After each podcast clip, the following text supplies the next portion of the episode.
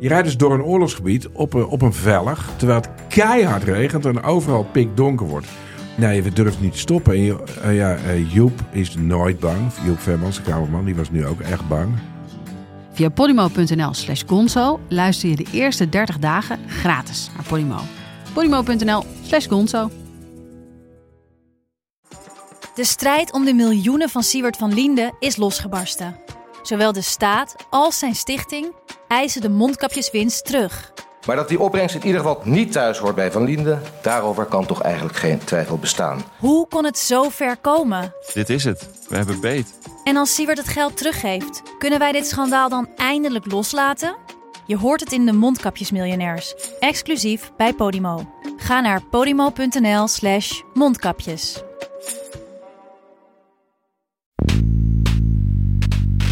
Wij berekenen dat als je niks doet, dan ga je richting uh, het eind van dit decennium kun je maximaal 1% ongeveer groeien per jaar. Dat is een vrij lage groei, maar dat komt door de vergrijzing ja. en de ontgroening bijvoorbeeld. Ja, precies. Dus gemiddeld genomen als het afgelopen jaren was dat ongeveer anderhalf. Hè. Soms zat je er wat boven, afhankelijk van de conjunctuur, zullen we zeggen. Maar structureel gaat die groei afvlakken. En wij hebben nu berekend op basis van de voorstellen van de kenniscoalitie... dat je, dat je dan ongeveer een half procentpunt in reële termen... dus uh, gecorrigeerd voor de inflatie, extra zou kunnen groeien uh, per jaar. Dit is Betrouwbare Bronnen met Jaap Jansen.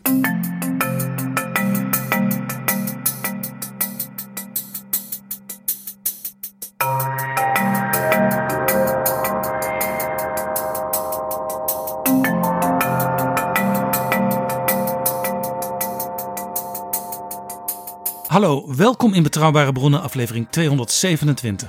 Ik ga praten over het belang van investeren in onderzoek en ontwikkeling voor de Nederlandse economie. En dat doe ik met Marcel Levy van de Kenniscoalitie en van NWO, met Margrethe Jonkman, directielid van Friesland Campina, met Nilofer Gundogan, Tweede Kamerlid voor Volt, en met Hugo Erken, hoofd Nederlandse economie van Rabo Research. Dit is Betrouwbare Bronnen. Onderzoek en ontwikkeling is van onschatbare waarde. Onschatbaar en dat betekent volgens het Centraal Planbureau dat je het niet goed kunt uitrekenen wat investeren in RD, onderzoek en ontwikkeling, nu eigenlijk opbrengt. Als een politieke partij in het verkiezingsprogramma daarin veel investeert, levert het geen punten op bij de doorrekening door het Centraal Planbureau. En dat geldt ook weer voor de doorrekening straks van de plannen die nu worden gesmeed aan de onderhandelingstafel in de kabinetsformatie. Hugo Erken, hoofd Nederlandse economie van Rabo Research. Kun je dat rendement inderdaad niet berekenen? Nou, wij zijn van mening dat je dat rendement wel kunt berekenen. Uh, maar dat vergt een ander type model om dat door te rekenen. Een ander model dan het Centraal Planbureau nu gebruikt? Ja, uh, dat klopt. Uh, het Centraal Planbureau rekent nog steeds met een, een zogenoemd neoclassiek groeimodel. En ja, er is bewezen, ook in de literatuur, dat wat je kunt doen... is de technologiecomponent uit, uit die modellen, die kun je uitsplitsen... omdat technologie niet uit de lucht komt vallen. Daar moet je kaart voor investeren. Hoe oud is dat neoclassieke model? Het is begonnen in de jaren 50. Uh, Robert Solow, dat is een Nobelprijswinnaar en Amerikaans econoom, die, uh, die heeft dat ontwikkeld. Uh, daarvoor heeft hij in 1985 heeft hij de, de Nobelprijs gekregen. En ja, jarenlang was dat eigenlijk gemeengoed onder economen, dat groeimodel. En wat dat groeimodel in de notendop zegt, is dat je op twee belangrijke manieren kan groeien, eigenlijk drie. Meer mensen inzetten in het productieproces. Hè? Dus meer werkgelegenheid of mensen meer uren laten werken. Dat is één. Dus arbeid is heel belangrijk. Nou, kapitaalgoederen zijn belangrijk. Dus je moet investeren in machines, in gebouwen, infrastructuur, software, computers, dat soort zaken. En een derde factor, en die derde factor is technologie. En uh, die laatste factor, die technologiefactor, die is een gegeven in het uh, neoclassieke groeimodel van Solow. En toen kwam Paul Romer, dat is een andere Nobelprijswinnaar in 1990 met werk. En die zei, het is belangrijk dat we die technologiecomponent, dat we die gaan uitsplitsen. Want uh, ja, zoals ik al zei, kennis komt niet, uh, of technologie komt niet uit de lucht vallen. En technologie is ook dynamisch, dat ontwikkelt zich. Ja, het is heel belangrijk omdat natuurlijk technologie veroudert. Dus je moet blijven investeren in je kennisontwikkeling. Want uh, ja, anders doen, uh, doen de concurrenten dat of gebeurt het in het buitenland. En uh, dan, ja, dan zie je dus ook dat de economische groei gaat stagneren. Ja, we gaan straks verder daarover praten. Aan tafel ook Marcel Levy, sinds april voorzitter van NWO, de Nederlandse Organisatie voor Wetenschappelijk Onderzoek. En sinds corona uitbrak bent u ook zeer bekend als inmiddels voormalig directeur van een groep Londense ziekenhuizen.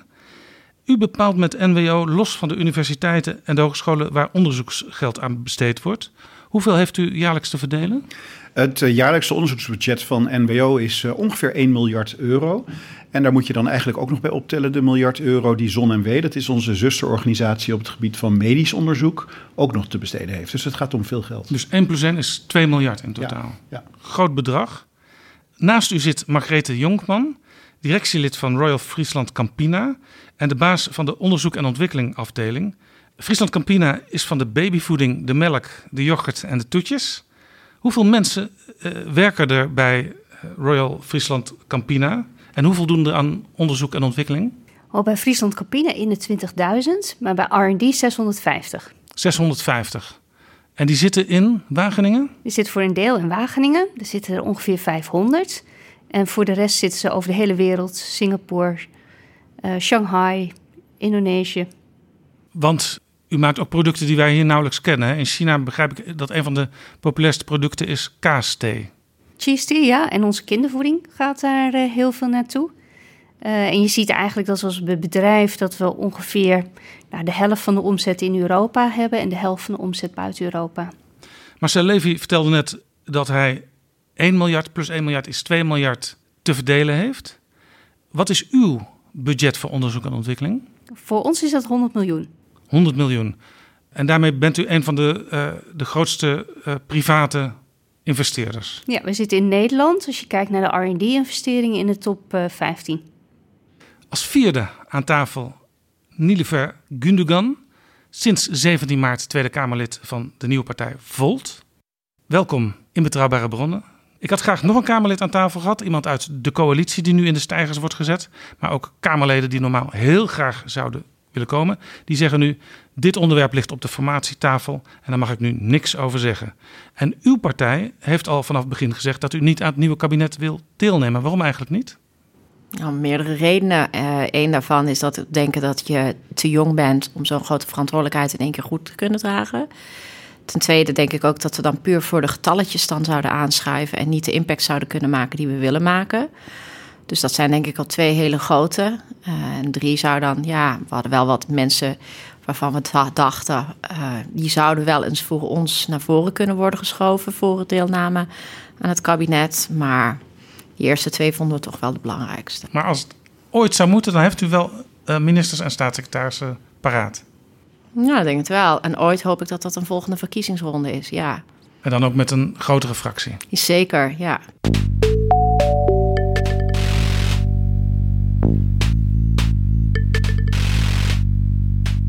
Marcel Levy, u verdeelt als voorzitter uh, van MWO dus veel publiek geld. Maar als je kijkt wat Nederland uitgeeft als percentage van het bruto nationaal product aan publieke investeringen in onderzoek en ontwikkeling, dan is dat minder dan 1%, namelijk 0,75%. En de private uitgaven zijn 1,4%, opgeteld 2,15% van het BNP. Nou is het zo dat in het jaar 2000, dat is inmiddels alweer ruim 20 jaar geleden, de EU-lidstaten hebben afgesproken in Lissabon dat uiteindelijk elk land 3% van het BNP aan onderzoek en ontwikkeling zou moeten besteden. En wij zitten daar nog lang niet aan. Hoe verklaart u dat? Ja, dat is moeilijk te verklaren. Het is wel precies zoals u zegt. En je ziet ook dat andere landen om ons heen uh, heel fanatiek bezig zijn om die 3% wel te halen. Of zelfs daar nog eens een keertje overheen te gaan. Welke landen doen het goed? Duitsland, Scandinavische landen. Um, nou, het is dan geen lid meer van de EU. Maar Engeland heeft net aangekondigd een enorme extra investering te doen in research and development. In de Verenigde Staten, het is natuurlijk ook een niet-Europees land, zie je ook massale investeringen in research and development. En dat doen ze natuurlijk niet voor niks. Hè? Um, want um, die zien dus heel scherp dat er, dat er inderdaad wel wat uh, voor terugkomt ook.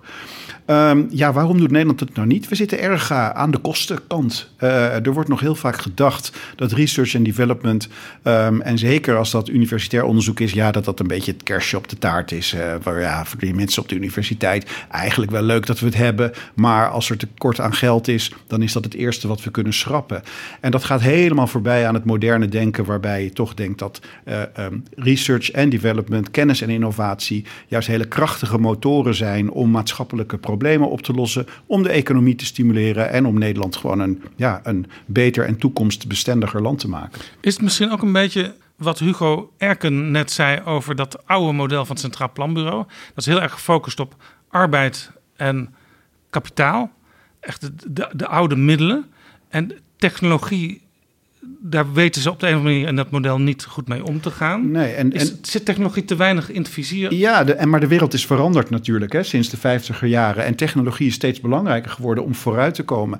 En de tijd dat de grote trekkers, ik ben geen econoom hoor, dus corrigeer me als ik het, eh, als ik het verkeerd zeg, maar dat de grote trekkers van de economie een steeds groeiende landbouw waren en veeteelt en, en, en grote industrie. Die tijd is, is al, Nederland was natuurlijk in het laatste al sowieso nooit enorm. Ehm, die is een beetje voorbij. En, en je ziet nu juist dat uh, kennis en innovatie wel degelijk leidt tot vooruitgang. Dus u zegt, uh, het, het, is, het is destijds afgesproken. Onder Wim Kok trouwens nog. Hè, die was toen minister-president, echt al lang geleden. Het is heel belangrijk om toch snel naar die 3% te gaan. Nou, dat, daar is men in het algemeen binnen Europa echt van overtuigd. En je ziet ook links en rechts, ook landen met veel minder onderzoekstraditie dan Nederland, zie je uh, massaal overgaan op het investeren in, uh, in, in, in, in, kennis en innovatie. Uh, laatstelijk nog België, die met vrij vergaande voorstellen komt. Het is daar dan opgedeeld in Vlaanderen en, en, en Wallonië. Um, en je ziet dat dat in Nederland toch redelijk aarzelend wordt gedaan. Dat is een beetje gek, want wat voor kennis heel erg belangrijk is en voor innovatie, is vooral dat je heel veel hele slimme mensen hebt. En dat hebben we nou net in Nederland. We hebben een hele grote, goed opgeleide groep, vooral jonge mensen, die ook interessant vindt om te werken aan onderzoek, aan innovatie, aan, aan uh, vooruitgang. Um, dus we hebben die grondstof gratis en voor niets in huis. Sterker nog, er zijn ook heel veel mensen uit het buitenland die het leuk vinden om naar Nederland te komen, om daar een bijdrage aan te leveren. Dus um, uh, dat heeft ook een heleboel andere voordelen, brengt dat weer met zich mee. Dus ja, er zou, het zou juist iets zijn wat heel erg goed bij Nederland past om hier wat meer in te investeren. Ja, ik hoorde een tijdje geleden Robert Dijkgraaf zeggen over het coronavirus. Dat virus zat in onze blinde vlek. En de grote vraag is, wat voor andere blinde vlekken hebben we? Ja, denk dat dat een goed punt is. En het is niet alleen een blinde vlek. Die hele pandemie is ook een soort vergrootglas geweest. Waarbij een heleboel problemen die er misschien al lang waren. en die sommige mensen ook wel door hadden. Of dat nou gaat om klimaat en leefomgeving. Of dat nou gaat om ja, uh, een heleboel andere maatschappelijke opgaven. Ook sociale opgaven. Uh, die werden plotseling heel erg zichtbaar en uitvergroot. En dat zijn allemaal dingen die je met wetenschap een stuk verder kunt brengen. Ja. Margrethe Jongman van Friesland Campina. Marcel Levy zegt heel belangrijk om snel die belofte te voldoen die we eigenlijk al twintig jaar geleden hebben gedaan. Maar is het wel echt nodig? Want Nederland staat sinds 2016 onafgebroken in de top 5 van het European Innovation Scoreboard. We doen het al hartstikke goed. Ja, heel erg mooi om te zien dat we daar zo hoog scoren. Maar je ziet dus natuurlijk wel een resultaat van investeringen in het verleden. Waar wij met z'n allen voor moeten zorgen is dat we in de toekomst als land, als bedrijf, als maatschappij uh, de vooruitgang maken. En daar is echt een, een stuk hogere investering in, uh, in onderzoek voor nodig. Wat is dan uw belang? Want u bent een bedrijf en u heeft zelf geld om te investeren. Ja, maar je, het lijkt altijd veel, hè? 100 miljoen, 500 onderzoekers in Wageningen. Maar die weten maar een klein gedeelte uh, van wat er allemaal bekend is of wat je nog graag zou willen weten. En we willen met z'n allen uh, hele ingewikkelde vraagstukken oplossen. En dat doe je niet met die uh, 500 mensen. Daar heb je allerlei mensen voor nodig vanuit nieuwe richtingen, met nieuwe ideeën. En die zoeken wij heel erg buiten Friesland Campina. Dus vandaar ook dat we heel veel samenwerken met universiteiten, met onderzoeksinstituten in Nederland en in het buitenland. Ja. Dat is voor ons cruciaal. Dus, en, dus je kunt eigenlijk zeggen, je moet niet zo in hokjes denken van nee. uh, dat is de universiteit, dat is MWO-geld, uh, dat is privaat geld, want het, het sluit allemaal op elkaar aan en het vloeit in elkaar over. Ja, en waar ik zelf heel erg in geloof, is je krijgt de beste ideeën en de beste oplossingen door echt goed samen te werken. Uh, je hebt uh, vanuit wetenschap uh, kom je met nieuwe ideeën. Vanuit het bedrijfsleven komen soms met hele interessante vraagstukken. Of dat we zeggen, ja, het lijkt wel zo simpel die oplossing. Maar weet je, in praktijk lopen we hier en hier tegenaan. Waar een wetenschapper dan zegt, oh, dat is echt een heel interessant vraagstuk. Weet je, dat had ik nog nooit van die kant die info ge gekregen. En dan kun je met z'n allen ook de snelheid krijgen. Ja, Waarbij ieder zijn eigen rol heeft. Hè? Dat, zeg ik, dat, dat vind ik ook belangrijk om te zeggen. Maar uh, echt een goed ecosysteem neerzetten en echt goed met elkaar samenwerken is heel belangrijk. We praten nu natuurlijk heel abstract over uh, grote getallen. Maar heeft u misschien een voorbeeld van, van een misschien een recent Eureka-moment van... hé, hey, dat hebben we toch door onderzoek en ontwikkeling maar, maar mooi voor elkaar gekregen? Nou, bijvoorbeeld een gebied waar we uh, middenin zitten is regeneratieve landbouw, duurzaamheid. Hoe zorgen we dat we in Nederland stappen op dat uh, vlak maken? En dan werken we ook in consortia samen met veel onderzoekers vanuit universiteiten, waar we kijken, maar ook met boeren, uh, waar we kijken die hele as van nieuwe inzichten op, op het gebied van bodemgezondheid, biodiversiteit, maar ook van hoe breng je dat dan naar de praktijk. Nou, er zitten soms echt ontzettend leuke Eureka-fondsen tussen, waarvan je denkt: oh, zo kan het dus ook, hè, als je buiten bestaande kaders denkt. Maar soms ook dat je denkt: ja, weet je, we verzinnen het, maar daar moet in Den Haag ook nog wel wat stappen op, op beleid gezet worden, dat we dingen mogelijk maken. Ja. Dat is heel erg leuk. Marcel Levy, u verdeelt dus geld als, als eh, wetenschappers ideeën hebben, plannen om onderzoek te gaan doen, dan kunnen ze die bij u indienen. Uh, kijkt u dan ook naar wat bijvoorbeeld Friesland Campina op dit moment allemaal aan het onderzoeken is? Ja, dus NWO eh, financiert op twee verschillende manieren. We hebben wat we dan zelf noemen de open competitie. Dat zijn gewoon de ideeën die er bij onderzoekers leven en die kunnen ze bij ons indienen. Soms zijn dat persoonlijke beurzen, talentbeurzen en soms zijn dat gewoon ideeën die uh, voor financiering in aanmerking komen. En dat, daar gaat een aanzienlijk deel van het geld naartoe. Maar de laatste jaren zijn er nog andere programma's bijgekomen en een hele belangrijke is het kennis en innovatie convenant. En dat gaat precies andersom. Dat zijn de vragen die voortkomen uit ja, uh, uh, uit problemen die bestaan binnen het bedrijfsleven. Die zeggen wij willen graag een volgende stap zetten, maar daar is kennis voor nodig. Dat wordt voor een belangrijk deel ook aangejaagd door geld van het ministerie van Economische Zaken. En dan wordt dat onderzoek uitgezet en daar kunnen onderzoekers dan op intekenen. Dus het wordt eigenlijk van beide kanten aangevlogen op die manier. Ja. We hebben een Kamerlid aan tafel, Nilefer Gundogan. Volt is een Europese partij die 3% voor onderzoek en ontwikkeling, die we 20 jaar geleden hebben afgesproken, is een Europese afspraak. Vindt u dat Nederland zich aan die Europese afspraak moet houden? Nou, dat lijkt me duidelijk wat ik daarvan vind. Ja, zeker. Ja. Hoe verklaart u dat dat niet gebeurt tot nu toe? Is het nu uh, sinds maart in de Kamer? U kent nu het systeem en de cultuur daar een beetje? Een beetje, ja. ja. Ja, hoe verklaar ik dat? Ik denk dat er gewoon een paar mythes leven in de Kamer, in het politieke denken. Ik heb het als uh, heel flauw uh, het Zeeuws meisje genoemd, geen cent te veel. Uh, dus dat wordt heel erg begrotingscycli zijn op één jaar en verkiezingsprogramma's op vier jaar vooral. Dus politieke partij, als je gewoon voor de langere termijn durft te gaan, waar Hugo het net over had, word je eigenlijk afgestraft. Terwijl de afstraffing, die vindt eigenlijk buiten de politiek plaats, omdat je maatschappelijke problemen begint te krijgen. Dus ze zijn dan heel trots. Uh, je hebt ook wel vaker gezegd dat we gewoon een zogenaamde lage staatsschuld hebben in dit land. Maar ondertussen hebben we een enorme klimaatschuld. We hebben een gezondheidsschuld. We hebben een woningsschuld. We hebben een kansenschuld. We hebben een onderwijsschuld en een onderzoeksschuld. Lopen op al die terreinen lopen we achter. U zei net gewoon dat Nederland in de top 5 stond van innovatie. Ik kreeg niet zo lang geleden van Pieter Duisenberg van de VSNU bericht door dat we eruit zijn gevallen. België staat nu inmiddels op nummer 5. Uh, wij zijn nu uh, het land, het derde land uh, in Europa wat het meest in onderwijs gezakt is. Volgens onderzoeken van OECD, de PISA-rapporten. Ja, ja, want het zit ook op alle niveaus. Hè. Het zit ook alle niveaus. Als je gewoon naar jonge kinderen kijkt, rekenen, taal, natuurwetenschappen, daar, daar duikelen we steeds verder achteruit. Een kwart van onze 15-jarigen kan je inmiddels laaggeletterd noemen. Die kunnen heel slecht lezen en schrijven. Uh, dus het is zeer, zorgwekkend. En uh, met dat Zeeuws meisje mentaliteit van geen cent te veel... wordt eigenlijk dus slecht doorgerekend. En Mirjam van Praag en Bas Jacobs, twee hoogleraren, hebben wel doorgerekend. En die zeggen gewoon, uh, iedere euro rendeert ongeveer voor 8 procent. Nou, staatsobligaties renderen nu voor ongeveer 0%. Dus ja, het is eigenlijk een no-brainer. Ja. Dus financieel deugt het aan alle kanten om te investeren in onderwijs. Te beginnen met het funderend onderwijs en te eindigen gewoon helemaal achtergaan met uh, onderzoek. Maar die keten loopt in Nederland gewoon niet goed. En uh, het bizarre is, je kunt nu in principe geld uh, heel goedkoop, zowat gratis ongeveer lenen. En die lening die zou zich op de langere termijn terugbetalen, dubbel en dwars omdat daar naar alle waarschijnlijkheid de oplossingen liggen voor de grote problemen die eraan zitten te komen in de zorg bijvoorbeeld. Ja.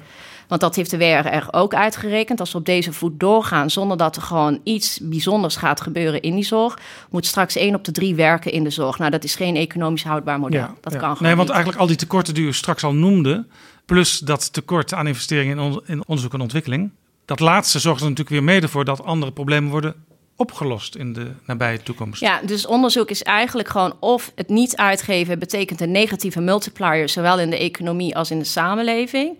Of je geeft er wel geld aan uit en is het een positieve multiplier en dan ga je gewoon daarvan renderen. Niet alleen in de eerste orde effecten, zoals dat dan zo mooi heet, maar ook in de tweede orde effecten. Je ziet een samenleving die hoger is opgeleid, meer productief is, meer welvaart ook kan delen. Dus herverdeling is ook absoluut heel belangrijk. Dus niet alleen droog naar de BNP kijken, maar hoe gaan de meeste mensen er ook op vooruit? Want dat is ook een zorgenpunt in Nederland, beseffen we ons ook niet altijd. De eerste 50% in dit land heeft niks of alleen maar schulden. Moeten we ook echt over nadenken.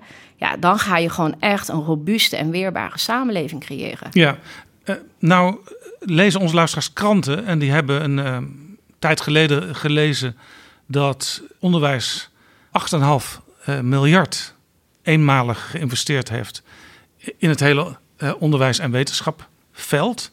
En ik weet niet wie van u daar iets over wil zeggen, maar dat is toch wel een enorm bedrag. Er, gebeurt dus wel degelijk iets. Ja, maar dat is, sorry, ja, ik reageer als eerste, maar dat is dus typisch Haags.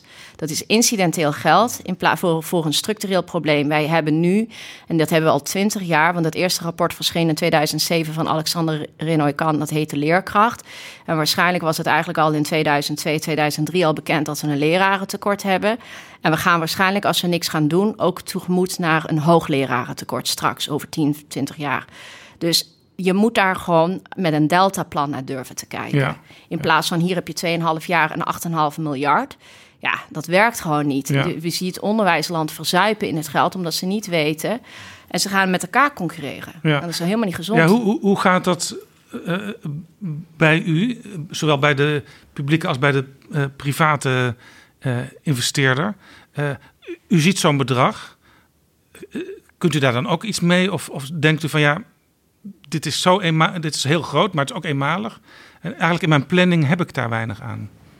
Nou, het is wel eh, met een heleboel andere omstandigheden ook wel aangetoond dat als je incidenteel heel veel geld beschikbaar stelt, dat eh, het niet helpt. Dat eh, mensen eigenlijk ook niet de tijd hebben om even rustig na te denken wat ze met dat geld moeten doen.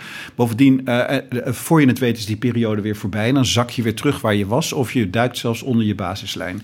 Dus dat helpt echt niet. Het moet echt een structurele investering zijn. En die mag ook rustig opgebouwd worden. Dus de voorstellen die de kenniscoalitie doet, dat is dus de coalitie van, van alle kennispartijen in Nederland, universiteiten, NWO, de, de Academie voor Wetenschap, de HBO-instellingen, de techniek. Ehm, eh, de werkgevers niet te vergeten. Ehm, die voorstellen die gaan ervan uit van laten we groeien van die 2% die u net noemde naar die 3%. Dat hoeft echt niet in een jaartje, daar mag je echt wel acht jaar over doen. Maar het moet wel structureel zijn. Ja, dus, dus eh, en, en kenniscoalitie die praat dan over een bedrag wat er steeds bij komt elk jaar van 300 tot 380 miljoen euro. Dat is dus een veel lager bedrag dan dat hele grote eenmalige bedrag. Maar opgestapeld levert dat uiteindelijk structureel wel veel meer op. En dat is verstandig, want je stampt niet zomaar allemaal nieuwe laboratoria, wetenschappers, eh, kennisinstellingen uit de grond. Maar dat kan je wel langzaam maar zeker opbouwen. En dan hebben we ook de structuur die bestendig is. En die op de lange termijn die rendementen geeft die we zo graag willen hebben. Ja, nou is Margrethe Jongman natuurlijk zo dat als zo'n minister de mogelijkheid krijgt om een keer in één grote eh, vloek en een zucht eh 8,5 miljard uit te kunnen geven, dat zo'n minister niet nalaat. Want ja, dat geld is er op dit moment, dus het kan uitgegeven worden. Ja, maar ik hoop altijd, en ook op dit vlak van, eh, van onderzoek, dat we met z'n allen verder kijken dan een kabinetsperiode. En dat we met z'n allen een blijvende impact willen maken. En als je blijvend impact wil maken, dan praat je over structurele investeringen, echt op een hoger niveau. En eh daar ben ik het helemaal met Marcel Levy eens, rustig opbouwen. En ehm, niet alleen kijken naar mensen, maar ook kijken naar faciliteiten en structuren eromheen. Dus echt ja, goed doordacht een plan maken en met elkaar slim opbouwen. Ja. Want alleen geld is het niet. Het gaat ook om hoe zorgen we dat mensen met elkaar in verbinding komen. Hoe krijgen ze ook dat ze een lab hebben? Als je een goed lab wil bouwen, ben je ook even kwijt, eh, tijd kwijt. Maar ook hoe regelen we het onderling in Nederland? Je wilt ook niet dat op tien plekken straks hetzelfde gedaan wordt. Ja, je, kunt wil- bij spreken met dat vele geld wat er nu in één keer is, eh, kun je een lab bouwen. Maar het geld om daarna het onderzoek en de ontwikkeling te doen, dat is er dan niet meer. Nee, en of kijk, als je alleen onderzoek doet, het gaat ook om dingen verwaarden richting de maatschappij. Dus om het goed in te bedden. Om te zorgen dat onderzoekers een carrière-lijn hebben op, eh, op termijn. Dus het is iets minder dan alleen een, eh, een hoeveelheid geld, maar het echt gedegen en planmatig aanpakken Ja. vanuit meerdere kanten. Nou was de politiek eh, het afgelopen jaar heel trots eigenlijk op eh, het Nationaal Groeifonds. Eh, er wordt in vijf jaar tijd eh 20 miljard in totaal geïnvesteerd in allerlei onderzoek en ontwikkelingen om Nederland sterker te maken, de Nederlandse economie sterker te maken. Maar ook dat is natuurlijk, hoewel het over vijf jaar verspreid is, eenmalig. Het is eenmalig. En je ziet daarna ook, maar dat zou Hugo veel beter kunnen toelichten, is dat je dat ook niet eenmalig moet doen. Je moet die investeringen blijven, blijven doorzetten. Wat je ook ziet, eh, en het is net weer een sluiting geweest van de aanvragen, is dat er ontzettend veel aanvragen zijn. Dus je ziet dat, en het is met ja, in ieder geval de voorstellen waar wij betrokken bij zijn, heel in een korte periode heel veel werk verzet. Maar er zijn tig onderwerpen waar iedereen eigenlijk van zegt: Nou, daar zouden we echt in moeten investeren. 21 onderwerpen op RD, hè? Of 25 wat waren Ja, er? nee, het is Hoe- fantastisch. Hoewel Dijsselbloem in eerste instantie, de voorzitter van die commissie, heeft gezegd... ja, de meeste ingediende voorstellen die vinden wij nog niet goed genoeg. Ja, nog niet goed genoeg. Het idee is dan vaak wel heel erg goed. Dus mensen barsten van de creativiteit en van de ideeën eh, om maatschappelijke problemen te adresseren, om eh, eh, economische voorspoed te creëren. Maar soms moet er nog wel wat geschaafd worden aan die ideeën. Zeker omdat ze allemaal een flinke omvang hebben. Om ze op dat niveau te brengen. Dat je ook zeker weet dat daar het allerbeste onderzoek en innovatie eh, mee gebeurt. En dat ze ook echt wel degelijk tot iets gaan leiden.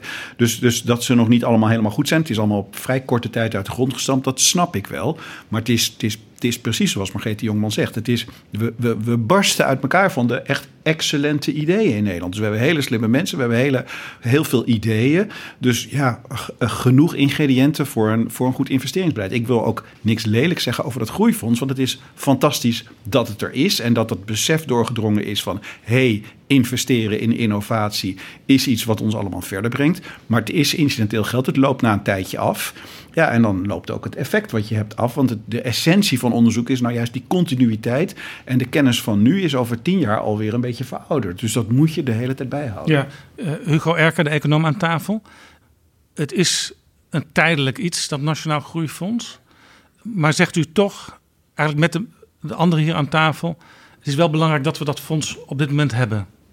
Nou, het is sowieso goed, denk ik, dat je de ambitie hebt om te investeren in research and development. Dus die 20 miljard is prima. Maar wij hebben er ook altijd over gezegd. Kijk nou goed inderdaad of je dat fonds niet structureel kan maken. Dus ik ben het eigenlijk van harte eens met wat hier aan tafel wordt gezegd. Je ziet het ook bij ons in de modellen terug, juist vanwege die veroudering van kennis. Eh, als je dat niet doet, dan zie je dat op een gegeven moment de afschrijvingen op de extra investeringen die je hebt gedaan, de hoeveelheid kennis die je hebt opgebouwd, zullen we maar zeggen, dat die groter worden, waardoor je dus op een gegeven moment weer teruggaat naar je ouderwetse groeipad.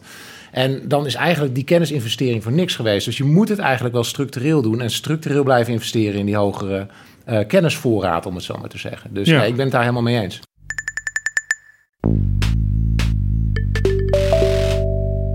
Dit is Betrouwbare Bronnen, een podcast met betrouwbare bronnen. En ik praat met Marcel Levy van NWO, Margrethe Jonkman van Friesland Campina, Hugo Erke van Riber Research en Niloufer Gundogan van Volt. Ik zei net, eh, helaas zit er geen politicus aan tafel van een van de eh, komende coalitiepartijen. Toch gaan we even luisteren naar hoe dat misschien op dit moment gaat in de kabinetsformatie. Want in maart van dit jaar sprak ik bij het kennisontbijt eh, van de Vereniging van Universiteiten, de VSNU, hierover met Jan Paternotte van D66, een van de partijen die nu ook aan tafel zit. En die vertelde het volgende. Kijk, D66 wilde vorige keer 4,5 miljard in het onderwijs steken. En uh, regeren met CDA, ChristenUnie, VVD. VVD wilde iets, CDA niets, ChristenUnie bijna niets. Uh, ja, dan kom je vanaf uh, drie keer niets en 4,5 miljard op 1,9 miljard. Zo gaat dat dus in de kabinetsformatie. Nilever Gundogan, bent u blij dat Volt er nu niet bij zit als het zo gaat? Oh, dat weet ik niet. Je kan natuurlijk ook gewoon soms proberen om gewoon de kennis en de opinie te beïnvloeden. Wat mij opvalt, ook met het groeifonds. Ja, ik ga bijna gewoon cynische opmerkingen maken. Je moet natuurlijk een visie hebben. Ja, we hebben natuurlijk een uh, premier die gewoon zegt dat als je een visie wil, je naar de oogarts moet. Dat zie je gewoon in de korte termijn lopende dossiers zoals corona. Er ligt niet eens een planning om corona aan te kunnen tot Q2 van volgend jaar. Dus ja, dan is bijna, bijna de goden verzoeken van kom met een plan om over de komende 20 jaar na te denken voor het economisch vermogen, het verdienvermogen van Nederland. Maar goed, even terugkomend. Ik denk dat die argumenten rondom onderwijs en ook onderzoek veelal een beetje uh, ja, worden afgedaan als niet competitief en niet economisch. Terwijl de economische onderbouwing is er wel terdege. Alleen het ligt een beetje verscholen in de toekomst. En dat aandurven te gaan, die strijd intern, dat vinden denk ik, heb ik soms de indruk, gewoon sommigen lastig. En het grappige is, of het dat is helemaal misschien niet grappig, misschien is dat eigenlijk gewoon wel om van te huilen, maar dat weet ik niet. Moet ik nog even over nadenken wat ik daar echt van vind. Is dat ik van de gedeputeerde in Limburg een mail krijg, VVD'er, die wil heel graag de Einstein-telescoop daar hebben. Nou, Marcel zit hier aan tafel te knikken. Dus dat is echt een heel prestigieus iets om dat gewoon te mogen hebben. Ja, dus in de provincie beseffen ze dat terdege? Ja, ja. En dat zou uh, ook Europees heel mooi zijn, want uh, Zuid-Limburg zou het dan om gaan. En ik heb sinds kort geleerd dat dat ook echt te maken heeft met de bodem in Zuid-Limburg. Dat is heel bijzonder, heel belangrijk om zo'n grote telescoop daar neer te kunnen zetten, zodat hij echt zijn werk gewoon goed kan doen. Zou ook een enorme spil-over kunnen hebben qua werkgelegenheid en uh, innovatief vermogen, et cetera. Ja, en dan heb je natuurlijk de Limburgse VVD, die wil het. De Europese VVD lijkt het ook te willen. Maar de Haagse VVD, die zegt geen cent te veel. Dus ja, weet je, soms moet je misschien ook die VVD'ers gewoon ook tegen elkaar ook gewoon zeggen van ja, wat willen jullie nou eigenlijk? Praten die mensen wel met elkaar? Ja, goede vraag. Het is wel een leuk, het is wel een leuk voorbeeld, want juist die lokale overheden zien het soms best nog wel scherper dan de nationale overheid. Er is net ook een heel mooi rapport verschenen, of een, eigenlijk een oproep verschenen vanuit de werkgeversorganisatie over vestigingsbeleid samen met een heleboel Nederlandse gemeenten. En er wordt eigenlijk precies hetzelfde gezegd. Dit is voor ons belangrijk. Schiet nou eens binnen. Is het misschien een probleem dat er in de Tweede Kamer zo weinig beta's zitten? Dat er dus gewoon te weinig idee is over hoe belangrijk onderzoek kan zijn? Ik weet het niet. Dat vind ik heel moeilijk te beantwoorden. Wat mij soms opvalt, maar Nielever, corrigeer me als ik het verkeerd zeg. Wat mij opvalt is dat er in de Tweede Kamer zo verschrikkelijk veel mensen zitten die helemaal nooit een echte baan hebben gehad. In de zin van onderwijzer, verpleegster, winkelier. Maar dat ze allemaal uh, opgeklommen zijn als hulpje van de wethouder en uiteindelijk in de Tweede Kamer een keertje zijn gekomen. En um, uh, mensen die stevig met beide benen in de maatschappij staan en die, uh, nou, die daar hun sporen hebben verdiend. Daar zou ik er misschien nog wel wat meer van willen zien. Ja. Nee, je wil eigenlijk diversiteit. Hè? Je wil een afspiegeling hebben. En als jij dat doortrekt zeg maar, naar de achtergrond qua opleiding, zou ik wel graag meer beta-techniek willen zien. Maar inderdaad wel graag met mensen die in het bedrijfsleven hebben gewerkt, die aan een universiteit hebben gewerkt, die in een ziekenhuis hebben gewerkt. Dat zou ik ontzettend fijn vinden. Ja, er wordt op het moment vaak gesproken over een, een politieke crisis, een bestuurscrisis. En misschien is dit wel een van de aspecten uh, dat veel politici de hele tijd in hetzelfde kringetje blijven rondlopen. En ook daar weer uh, hun nieuwe mensen uit recruteren. Ja, wat, wat ik ook belangrijk zou vinden, is dat je ervaring hebt in het veld. Dat je, als je het over een onderwerp hebt, uh, kun je natuurlijk heel veel leren door op werkbezoeken te gaan. Maar het zou ook fijn zijn als een paar mensen gewoon het uit de praktijk weten. Ja, misschien een, een opdracht voor de politieke partijen voor uh, de volgende verkiezingen, als er weer nieuwe lijsten moeten worden samengesteld. Uh, nou vertelde ik in het begin van deze aflevering al dat het Centraal Planbureau niet kan uitrekenen wat het rendement is van publieke investeringen in onderzoek en ontwikkeling. Toch zei Koen Teulings uh, eerder dit jaar tegen mij, hij is oud-directeur van het Centraal Planbureau, die zei het volgende. Als economen de één ding de afgelopen 40 jaar hebben uitgezocht, dan is dat de meerwaarde van onderwijs. En die is gigantisch. Dus ik zei net al, waar je ook naar kijkt, of je kijkt naar gezondheid, geluk, echtscheidingen, uh, levensverwachting. Je kan het niet zo gek niet bedenken en onderwijs blijkt een beslissende factor. En dat geldt zeker voor economische groei. Dus wij worden er echt onze welvaart, laten we wel zijn, we leven in een zeer welvarend land hier in Nederland. Dat is een genoegen. Uh, ik hoor altijd, het is lastig als je nu bijvoorbeeld in een student uh, investeert. Ja, dan weet je misschien pas over 20 jaar uh, wat het rendement is. Ja, van, de, van die ene individuele student weet je dat pas over 20 jaar. Maar van de hele groep als geheel weet je het nu vrij aardig. Nou, de een zal floreren. we worden niet allemaal... ja, dus je zou in grote lijnen zou je, zou je het wel gemiddeld genomen, kunnen, gemiddeld genomen weet je het heel goed. Ja. Bij de doorrekening spelen allerlei factoren. Ik laat het graag aan Pieter Hazekamp over om daar een, een verstandige weg in te vinden. Dat vertrouw ik hem zeer toe. Pieter Hazekamp is nu de directeur van het Centraal Planbureau. En die heeft ook bij de doorrekening presentatie van de afgelopen verkiezingsprogramma's gezegd... Wij willen er zeker naar gaan kijken of we de waarde van onderwijs, de waarde van onderzoek beter kunnen, kunnen berekenen. Zover zijn ze nog niet. We hebben Pieter Hazekamp gevraagd of hij hier aan tafel daar iets over wilde zeggen. Maar zover waren ze dus nog niet. Gelukkig hebben we wel Hugo Erker van Rabo Research aan tafel. En uh, u heeft uitgerekend wat het resultaat is als Nederland daadwerkelijk naar die 3% structurele investeringen in onderzoek en ontwikkeling gaat. Het is ook voor het eerst dat daar nu een getal aan kan worden gekoppeld. Hè? Ja, we rekenen al langer met, met dit uh, specifieke model, waarin inderdaad uh, research en development zit, maar ook nog veel, uh, heel veel andere factoren van technologie hoor. Ook ondernemerschap, we kijken naar de arbeidsmarkt, al die factoren die nemen we mee. En je ziet wel dat als je puur de historie van de Nederlandse arbeidsproductiviteitsgroei volgt, dan zie je dat inderdaad het rendement op zowel publieke R&D-investeringen als private R&D-investeringen, dat heel hoog is. hetzelfde geldt voor onderwijs overigens. En u heeft een, een, een, model ontwikkeld. Ik heb dat mogen lezen. Uh, met ook heel veel verwijzingen. Dus je kunt ook diep gaan van waar komen precies die ideeën vandaan, waar zijn die op, op gebaseerd. Uh, maar uiteindelijk heeft u op basis van het idee wat de kenniscoalitie al eerder heeft opgeschreven en ook aan, aan de minister van, van Onderwijs en Wetenschap heeft gestuurd, die dat dankbaar trouwens in ontvangst heeft genomen, moet ik erbij zeggen, Ingrid van Engelshoven. En ze zegt, ja, er moet inderdaad meer geïnvesteerd gaan worden structureel. Ik moet overigens wel een beetje denken ook aan de minister van Defensie, die ook steeds zegt, we moeten structureel veel meer aan Defensie besteden, maar het gebeurt maar steeds niet of te weinig. Maar u zegt, als je via een stabiel groeipad naar die 3% van het bruto nationaal product gaat aan investeringen, dat betekent dat er per jaar steeds 300 tot 380 miljoen euro extra bij moet, zodat aan het einde van de komende kabinetsperiode ruim anderhalf miljard erbij zit, structureel, ja, dan kom je op een uitkomst. Ja. Zeg het maar, wat levert het uiteindelijk op? Nou, als je alle investeringen die op dit moment, uh, nou, zowel via het Groeifonds als het Europees Herstelfonds en dan de, de, de plannen van de kenniscoalitie bij elkaar optelt, dan heb je het over hè, tot 2030 over een bedrag van uh, 34 miljard. Nou, daar schrikken mensen van. Dat is natuurlijk een enorm bedrag. Maar het zorgt er wel voor dat op de lange termijn, hebben we het wel over echt 2034, dat de economie zo'n beetje 84 miljard uh, euro groter is. Dus het rendement op, die investerings, op dat investeringspakket is enorm. En um, aan de marge, hè, dit is natuurlijk een groot investeringspakket en daar zitten afnemende meeropbrengst in. Dus des meer je doet, op een gegeven moment wordt het natuurlijk wel heel moeilijk om nog extra rendement uit die extra euro te halen.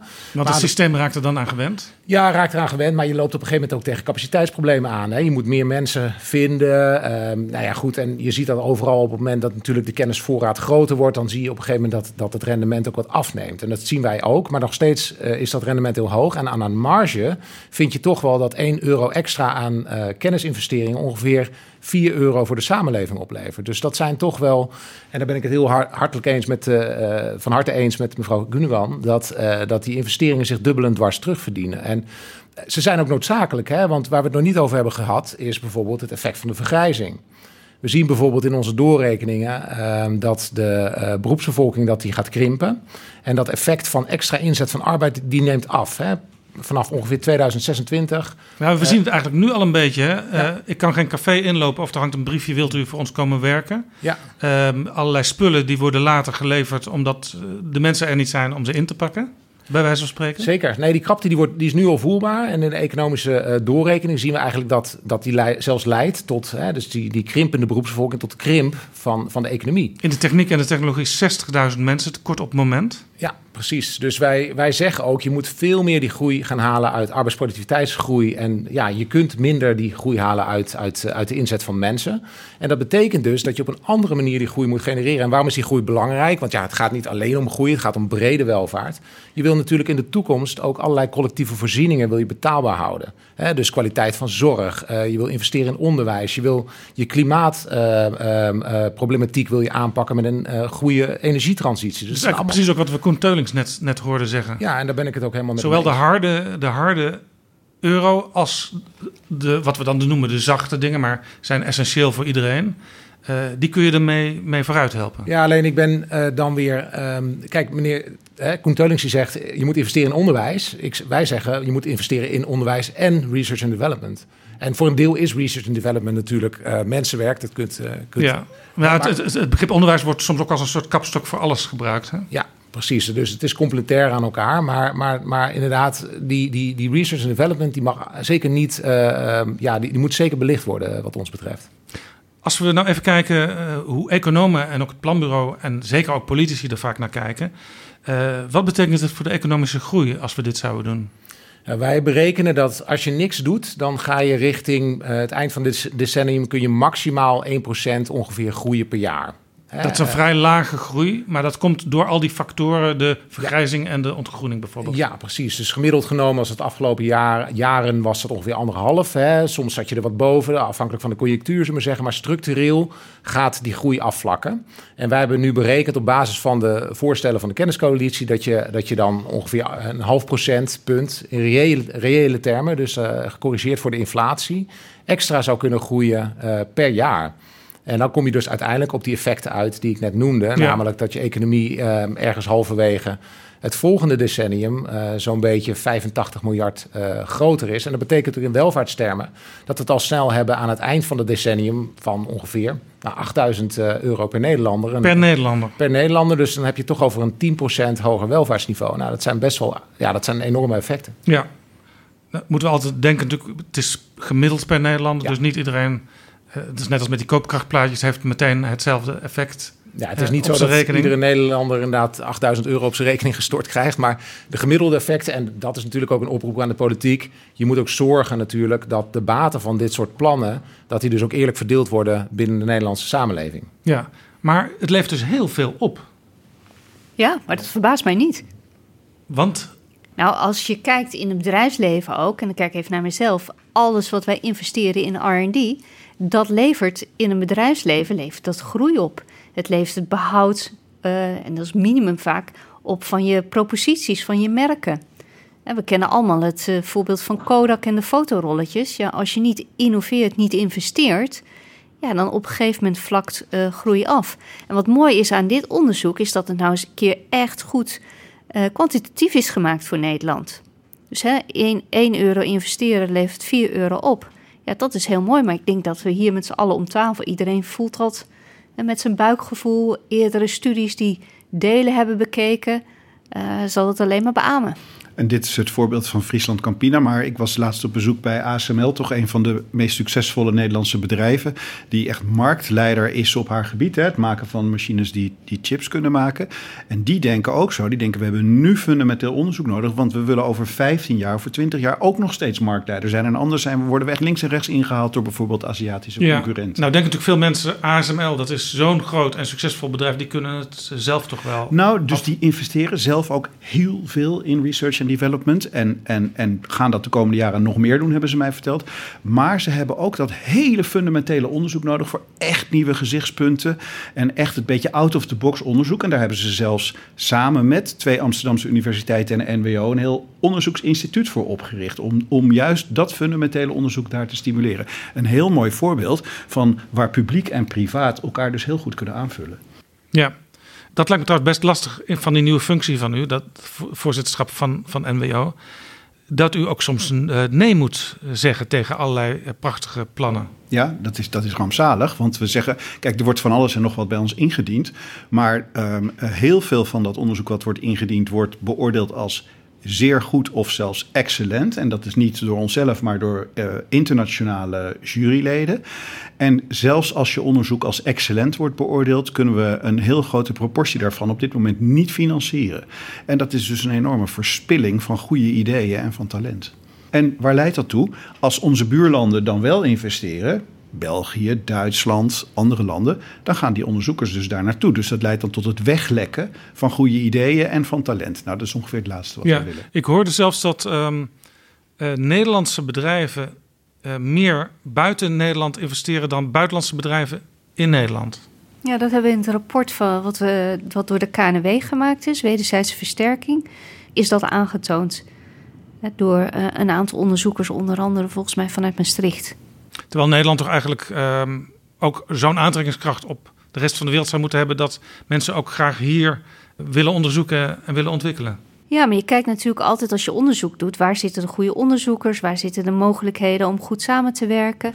Infrastructuur? Wij, infrastructuur. Wij doen ook als Friesland Campina best een aanzienlijk deel van het onderzoek buiten Nederland. Ja, met partners in de VS of in Azië, hè, waar de kennis zit, waar de faciliteiten goed zijn. Ik ben verantwoordelijk om uiteindelijk voor Friesland Campina het beste onderzoek. Ja. Kunt, kunt u misschien een concreet voorbeeld geven van een besluit wat u heeft genomen om het juist uh, in, in een heel ander land te doen en niet in Nederland? Het zit heel vaak op waar zit heel specifiek de kennis, waar zitten de toppers op het veld.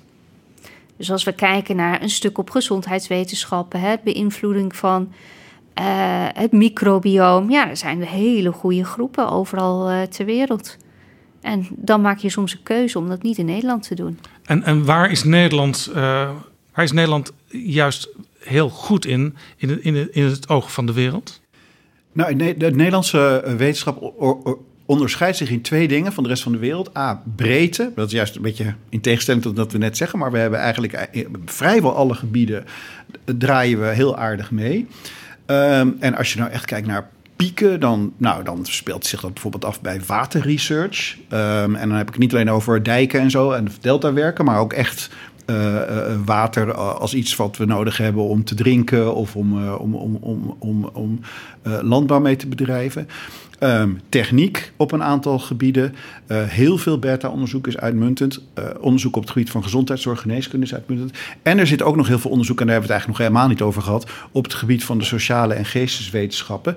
En dat, dat grappig genoeg, want dat is heel moeilijk te kwantificeren wat dat dan oplevert in termen van euro's. Maar hè, de term brede welvaart is al gevallen. En dat zijn nou juist um, uh, disciplines die daar heel erg aan bijdragen. Gewoon het oplossen van sociale en maatschappelijke problemen hebben we ook behoefte En daar is onderzoek nou net ook heel goed in. Ja, en blijkt ook dat als mensen in een prettige omgeving wonen en werken, als hun kinderen naar goede scholen kunnen, als je een fijne sportclub in de buurt hebt, en theaters en zo, dat speelt allemaal mee met de, de aantrekkingskracht van een land. Absoluut. En, en om het maar eventjes heel plat te maken, dan, dat zijn ook net de mensen die in dat soort omstandigheden leven, die veel gezonder leven. En die dus een minder beroep gaan doen op de gezondheidszorg laten. En dat betaalt zich allemaal terug. Hartstikke moeilijk om dat te kwantificeren en uit te rekenen, maar dat zijn wel degelijk mechanismen die meespelen. Nou, is een van de problemen hoor ik vaak uit de, de, de wereld van de universiteiten en de hogescholen. Uh, dat heel veel mensen die daar uh, werken, soms pas in de avonduren toekomen aan uh, bepaalde ideeën op papier zetten en bepaalde plannen bedenken. Want ze, moeten bijvoorbeeld al heel veel tijd besteden aan onderwijs. Iedereen ja, loopt tegen het overwerkt zijn aan. Ja, nou, dat, dat komt omdat de universiteiten de afgelopen jaren, en eigenlijk is dat een succesverhaal op zichzelf, enorm gegroeid zijn. Qua studentenaantallen zijn veel meer mensen die een hoger onderwijsopleiding volgen. Super, dat willen we graag. Maar de financiering van de universiteiten heeft daar geen gelijke tred mee gehouden. Dus er is enorme roofbouw gepleegd op de mensen die er op dit moment werken. Die moeten ongelooflijk veel tijd in het onderwijs stoppen. Dus er worden ook hoge eisen aan de kwaliteit van het onderwijs gesteld. Hebben eigenlijk nauwelijks meer tijd om onderzoek te doen. En dat speelt zich dan inderdaad in de avonduren en in de weekenden af. Nou zijn die mensen die bij de universiteit werken echt heel erg gemotiveerd en uh, uh, trots op wat ze doen. Dus dat gaat nog wel even een tijdje goed. Maar op een gegeven moment overschrijd je toch een grens. En dan denken mensen, ja, wat is dit voor baan? Dit is eigenlijk gewoon geen acceptabel leven. En ik heb ook nog wel wat anders te doen. Nilofer Gundogan, u heeft een, een hele interessante portefeuille, horen we hier. Maar het is ook een portefeuille waar nog best wel heel veel te doen is en verbeterd kan worden. Ja, en ik denk ook wel dat het uh, altijd wel toch wel een beetje belangrijk is de verhalen die je vertelt. En wat er nu in Nederland aan verhalen wordt verteld. Campina hier aan tafel. En dan denken we aan Nederland als voedselproducerend land toch vaak ook echt aan de klassieke voedselproductie. Maar als je gewoon een kijkje in de toekomst zou willen nemen van hoe ziet de toekomst eruit, dan zou je de helft van het landbouwgrond in heel Europa terug kunnen geven aan de natuur. Dan ga je dus echt naar het verhaal van David Attenborough van Rewilden. Dan doe je echt iets aan de biodiversiteit. Ja, het grote verhaal van David Attenborough ook weer op de, de top ja. in Glasgow. Ja, en uh, dan, dan ga je daar echt gewoon en dan ga je op de meest vruchtbare delta's in Europa, ga je dus dan uh, voedsel produceren. Maar je gaat ook voedsel produceren in fabrieken. In plaats van dus dat je een koe nodig hebt voor melk, kun je met, uh, nou, daar weet Margrethe veel meer van, denk ik, dan ik. Kun je door fermentatieprocessen kun je inmiddels gewoon melk gaan maken. Nou weet ik niet het fijne ervan hoe um, economisch uh, dat gaat. Maar we zitten natuurlijk nu al in een fase dat we gewoon geen dier meer hoeven te slachten om gewoon eiwitrijk vlees te, gewoon te gaan eten. Ja. En met het oog op klimaatverandering en dat heel veel vruchtbare aarde, zeker in allerlei continenten, weg aan het spoelen is, gaan we gewoon echt, als we niet op tijd in gaan grijpen in hoe voedsel wordt geproduceerd, gaan we gewoon echt enorme migraties en zelfs gewoon nog uh, grotere chaos gewoon kunnen krijgen. Met andere woorden, want dit is, dit is maar een, een voorbeeld. Maar het is wel, uh, denk ik, een heel belangrijk Er moeten voorbeeld. echt enorme slagen gemaakt worden, juist in onderzoek en ontwikkeling. Nou, ik denk dat... Om al die dingen waar we nu voor staan te kunnen realiseren. Nou ja, dus het verhaal van Caroline van der Plas is... we moeten de boeren overeind houden. Daar ben dat, is ik... eigenlijk, dat is eigenlijk de, de, de tegenpartij in de Tweede Kamer voor, Weet voor ik u, niet. hè? Nou, nee, zij niet. Dus Ik, ja, nee, met haar heb ik geen moeite. Ik heb vooral moeite met de FVD... omdat ze echt bewust desinformatie verspreiden. Maar dat gaat buiten Ja. dit onderwerp. En betrouwbare bronnen doen we ook niet aan desinformatie, dus dat laten we Dus- er buiten. Precies. Dus laten we hen er buiten laten. Maar ik denk oprecht wel dat Nederland weer kampioen voedsel kan worden, maar dan met kennis. En die nieuwe productiemanieren, die misschien nu wel niet eh, financieel lucratief zijn. Daar moeten we dan ook over nadenken dat die kennis dus dan niet eh, heel snel wordt weggekocht door bijvoorbeeld Chinezen, waardoor het gewoon daar terecht komt, maar dat wij daar de vruchten van gaan plukken. ja. De Chinezen nemen overigens wel graag ook onze melkproducten, en zeker de babymelk ook. eh, Ja, en misschien ook Over? om daar even op terug te komen. Hè.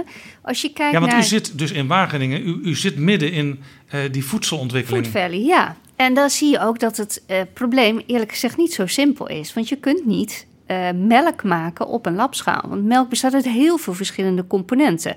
Dus dat is één ding. Heel vaak wordt er even gekeken naar een eiwit, maar dat is niet melk. Er zit ook heel veel vitamine, mineralen in, microcomponenten. Nou, dat is één onderzoekslijn die heel belangrijk is. Tweede is, hè, als je kijkt naar het oplossing van ehm, voedsel, wordt er heel vaak gezegd van ja, je moet kijken naar de carbon footprint, hè, welke milieuafdruk. Maar dan moeten we wel relateren aan de hoeveelheid nutriënten die erin zitten. Nou, dat zijn ook onderzoekslijnen die we eh, uit hebben staan, om dat gewoon die informatie goed te krijgen. Want hè, wat we hier hebben, een glaasje kra- kraanwater, heeft een hele lage carbon footprint. Maar in melk zitten heel veel nutriënten, dus je moet het wel relatief bekijken. Nou, en een derde poot, om het nog wat eh ingewikkelder te maken, is dat je eigenlijk moet optimaliseren op een dieet. En als je kijkt in een dieet wat we nodig hebben, dan heb je heel veel verschillende voedingsmiddelen Ja. eh, nodig, waarin melk eh, En- toch en- een heel en- belangrijk in alle wetenschappelijke studies een belangrijk Ja, en u, heeft ook ondervonden als Friesland Campina dat bijvoorbeeld de Chinezen eh, juist die Nederlandse melk heel interessant en Ja. prettig vinden. En die komt toch nog voor een groot deel van koeien af. Die komt helemaal van koeien af. Ja, nee, maar dus het is niet zo simpel Nee, om het meteen nee, het is om niet te, zo om te simpel. Maar dat is wel wat ik begrijp van onderzoekers... dat dat de kant is waar ze steeds meer over zitten na te denken... en vlees van de petrischaal. En dat staat allemaal nog in de kinderschoenen nu. Maar de- daar moet je dus geld voor durven uit te geven. En of het gaat lukken is een tweede. Maar ik denk wel dat je die, die, die ja, kom ik weer met het woord... die visie moet hebben. Het moet anders. Het moet echt gewoon innovatiever. Het moet slimmer. En we, en we hebben een grotere opdracht dan direct alleen Nederland. Want Ja, we hebben een heel want even een ander voorbeeld. In 1953 met de watersnoodramp, toen we besloten om de deltawerken te maken, toen dachten we echt niet, denk ik a priori, we gaan daardoor de watermanagers van de wereld worden. Kijk, de spill-off effect gewoon van dat is gigantisch. Amerikanen met de, de drive om de eerste man op de maan te brengen, enorme spill-off effect, dat we gewoon nu allemaal over alle technologie in de iPhone zitten. Dus soms wil je iets en kom je misschien net ergens anders uit, maar onderweg, omdat je zo gedreven bent en inzet op onderzoek, ga je gewoon hele hele gave dingen ontdekken. Nou, ik ben geen beta, dus laat die creativiteit maar niet bij mij. Maar laat de politieke kant, dat ik de portemonnee daarvoor Ja. zou willen trekken. Die, Ja. ja. daar ben ik Ja, wel een u, ambassadeur u had het van. over de man, man op de maan. Eh, de, de, de Europese Commissie toen die aantrad, deze van Ursula von der Leyen, die zei ook... eh, wij, wij willen weer Man on the Moon projects neerzetten als Europa. U noemde ook de Delta-werken. Die moeten we trouwens misschien weer helemaal gaan vernieuwen, eh, Marcel Levy... als dat water blijft stijgen. Kijk, dat is een heel goed voorbeeld van hoe je met kennis om moet gaan. En, en dan kun je dus zeggen, nou laten we de dijken ophogen. Dat is natuurlijk ook een strategie geweest die we decennia lang in Nederland hebben gevolgd. Maar op een gegeven moment hebben mensen toch anders gedacht. En dachten, ja, dijken ophogen, dat houdt ook een keertje op. Misschien moeten we iets anders verzinnen, zodat de eh, waterstand in de rivieren beter beheersbaar wordt.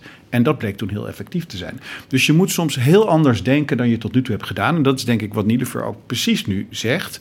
Ik moest eventjes denken aan groots en meeslepend. Het, het woord is al eventjes genoemd. De Einstein-telescoop in, in Limburg. Dat is zo'n groots en meeslepend project. eh, waarmee je dingen ehm, ja, eh, niet alleen op korte termijn... en niet alleen de wetenschap verder mee brengt... maar ook dingen als werkgelegenheid, spin-off. Het is allemaal al genoemd.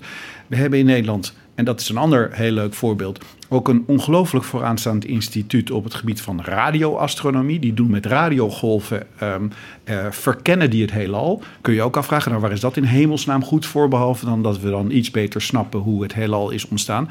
Maar gaande de rit ontdekken die mensen ook allemaal hele gave dingen op het gebied van 5G-technologie. En zijn we daar plotseling een van de leiders in het, in, op, eh, op het kennisvlak van. Ja.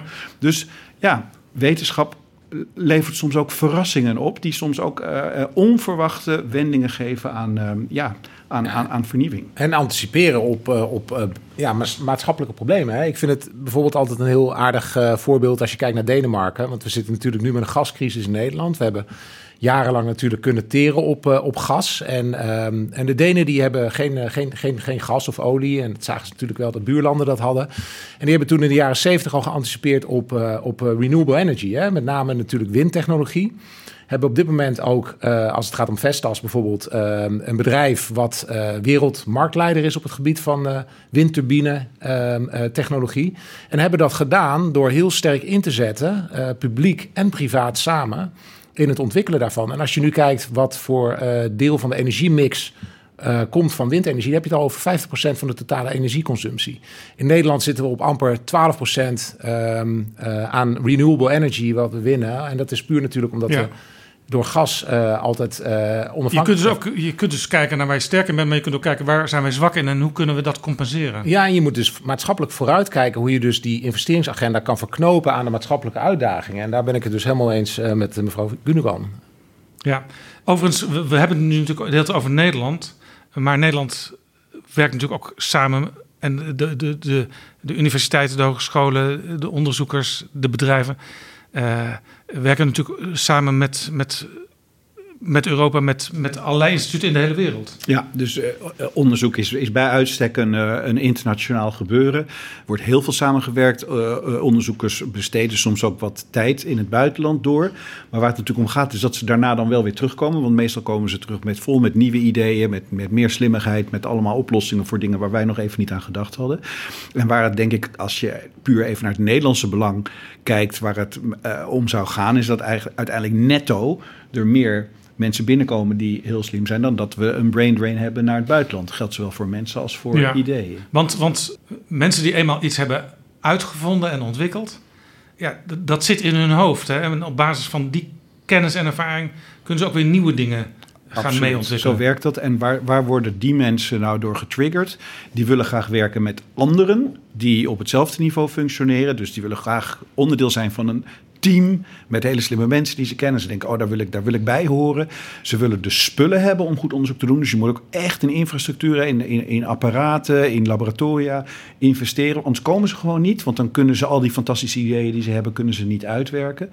En ze willen een prettige leefomgeving. En dat zijn allemaal dingen waar Nederland wat je in Nederland goed zou kunnen bereiken, waar we op sommige plekken ook al best wel goed in zijn. Ehm, dus de, de, de, de aarde is vrij vruchtbaar in Nederland om ook die kenniseconomie tot verdere wasdom te Ja, brengen. toch nog even naar de, de econoom aan tafel, Hugo Erken. Want u zei straks al, door de vergrijzing, mensen worden steeds ouder, blijven langer leven. Maar er zijn ook aan de, aan de jonge kant zijn er minder mensen, dat is de ontgroening. moeten we zorgen dat, dat we de groei ergens anders vandaan halen. Dus dat we de, dat we de producten beter maken, om er iets te noemen. Maar ik heb laatst een betrouwbare bron gewijd aan het, het enorme gebrek op het moment aan technische en technologische eh, mensen. Eh, En dat zijn juist ook mensen die al die ontwikkelingen moeten doen. Ja, nee, dat klopt. Die krapt op de arbeidsmarkt. En met name inderdaad de eh, studenten richting de beta-kant. Dat is natuurlijk een probleem.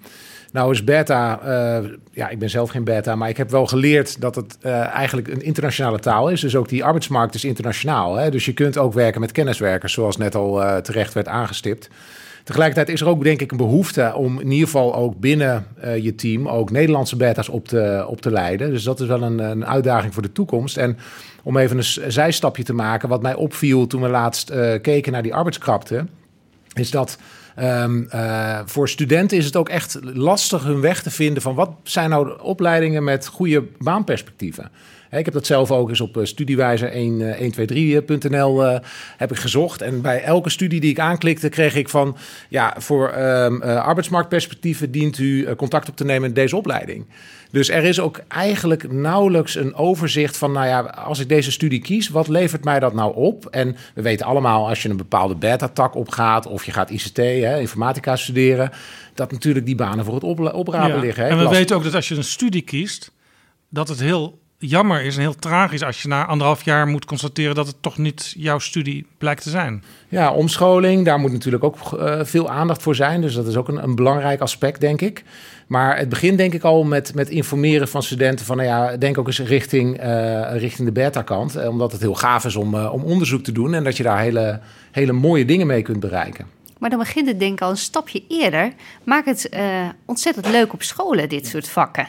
Ja. Terwijl als ik eerlijk gezegd kijk soms hoe mijn kinderen natuur- en scheikunde kregen op school... denk ik, oh, ik zou het ze echt... eh, ik zou wel wat andere lessen willen geven. Dus hè, je moet ook inspireren met leuke, praktische voorbeelden meer. Dus daar kunnen we denk ik met z'n allen Ja. ook nog Is er trouwens een doen. aanbod aan scholen dat ze u kunnen vragen om eens langs te komen om eens Nou, een gastles te geven? Toen de tijd in het eh, sectorplan Bed en Techniek hebben we daar ook echt aandacht aan besteed. Dat je echt terug moet gaan, zelfs naar richting lagere school. Om helpen om kinderen, zeg maar, dat, eh, dat gebied leuk te laten vinden. En Ja. dat is zeker een aanbod, weet ik, van heel veel mensen in de bed en techniek om daarbij te helpen. Het is ook een manier om wat meer diversiteit te krijgen in bepaalde richtingen. In de techniek is nog erg door mannen gedomineerd. Maar een aantal vrouwelijke boekbeelden die inderdaad ja, aan meisjes op scholen laten zien van... hé, hey, dit, dit kan dus ook. En je hoeft niet een halve man te zijn om, eh, om, om, om je te handhaven in deze wereld. eh, helpt enorm.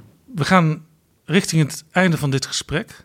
Misschien kan Hugo nog eventjes resumeren wat die enorme investering die eigenlijk al twintig jaar geleden is afgesproken in Europa, als Nederland dat echt gaat doen, wat die oplevert. Nou ja, goed. En, en misschien luisteren de informateurs en de onderhandelaars in de kabinetsformatie nu ook mee. Nou, wa- wat, wat denk ik heel belangrijk is dat als je het niet doet, dat je in ieder geval zeker weet dat je economische groei gaat afkalven richting maximaal 1%.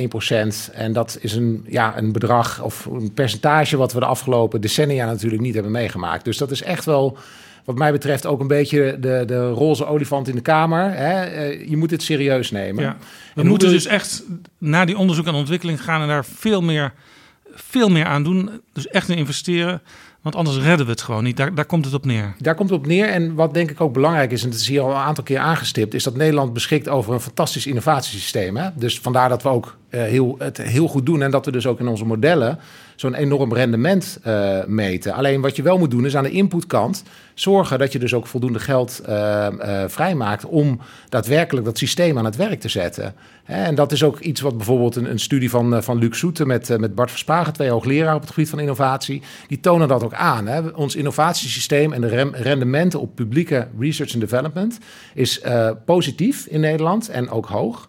En in sommige landen werkt dat innovatiesysteem minder en meet je dus eh, veel lagere effecten of zelfs negatieve effecten. Dus dat is iets wat we denk ik ook in ons achterhoofd moeten knopen. Dat we eh, ook dat innovatiesysteem moeten koesteren. En we moeten het voeden door een, eh, door een, een, een ja, ambitieuze investeringsagenda. We willen dus graag aan de top komen. Beide landen die het al heel goed doen. Denemarken heb ik gehoord, eh, Zweden en Finland ook. Maar nou is Duitsland, daar zijn ze ook, aan het, zijn ze ook een kabinet in elkaar aan het zetten. Dat heeft voor zichzelf alweer een nieuw doel gesteld. Uh, die gaan op weg naar 3,5% van het bruto nationaal product investeren in onderzoek en ontwikkeling.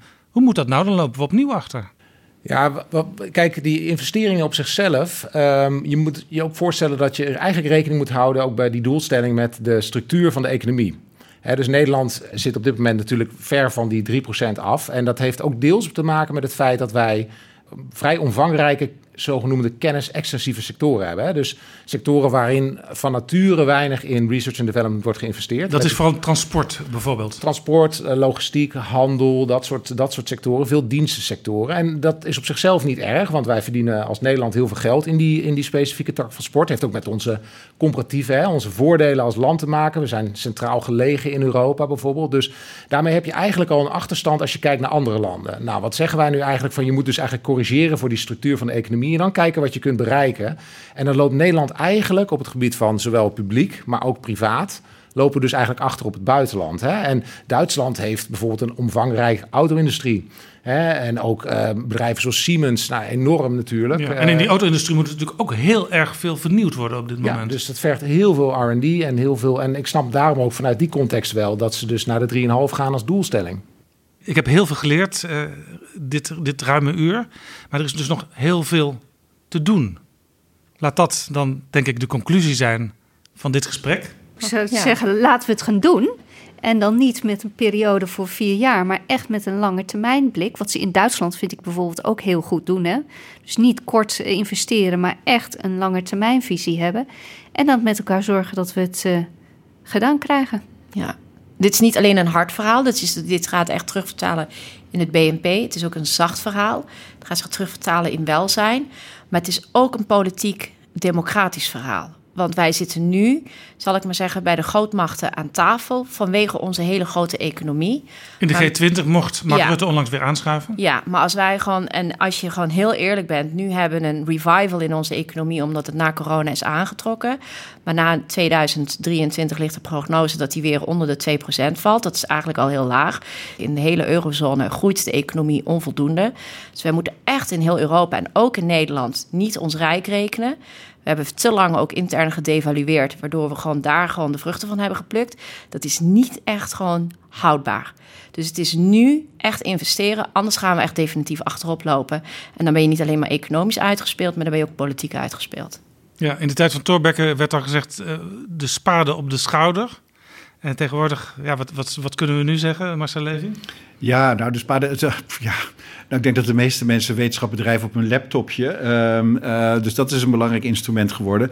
Ja, het hangt een beetje van je discipline af wat je belangrijkste instrument is. Dat zal bij jou op het lab ook wel anders zijn dan, uh, dan bij mensen die in, de, in, in, in de harde beddentechniek of in de sociale wetenschappen werken. Het mooie is dat mensen altijd gemotiveerd blijven. Het is altijd mogelijk om mensen te vinden die het leuk vinden om uh, een deel van hun tijd of een deel van hun leven echt enorm in, in die ontwikkeling en in die innovatie te stoppen. Alleen dan moeten we ze wel de gelegenheid geven om dat te doen. Ja, dank u wel Marcel Levy, dank u wel Margrethe Jonkman, Nilever Gundogan, hartelijk dank. En ook Hugo Erken van Rabo Research. Dank u wel voor dit gesprek.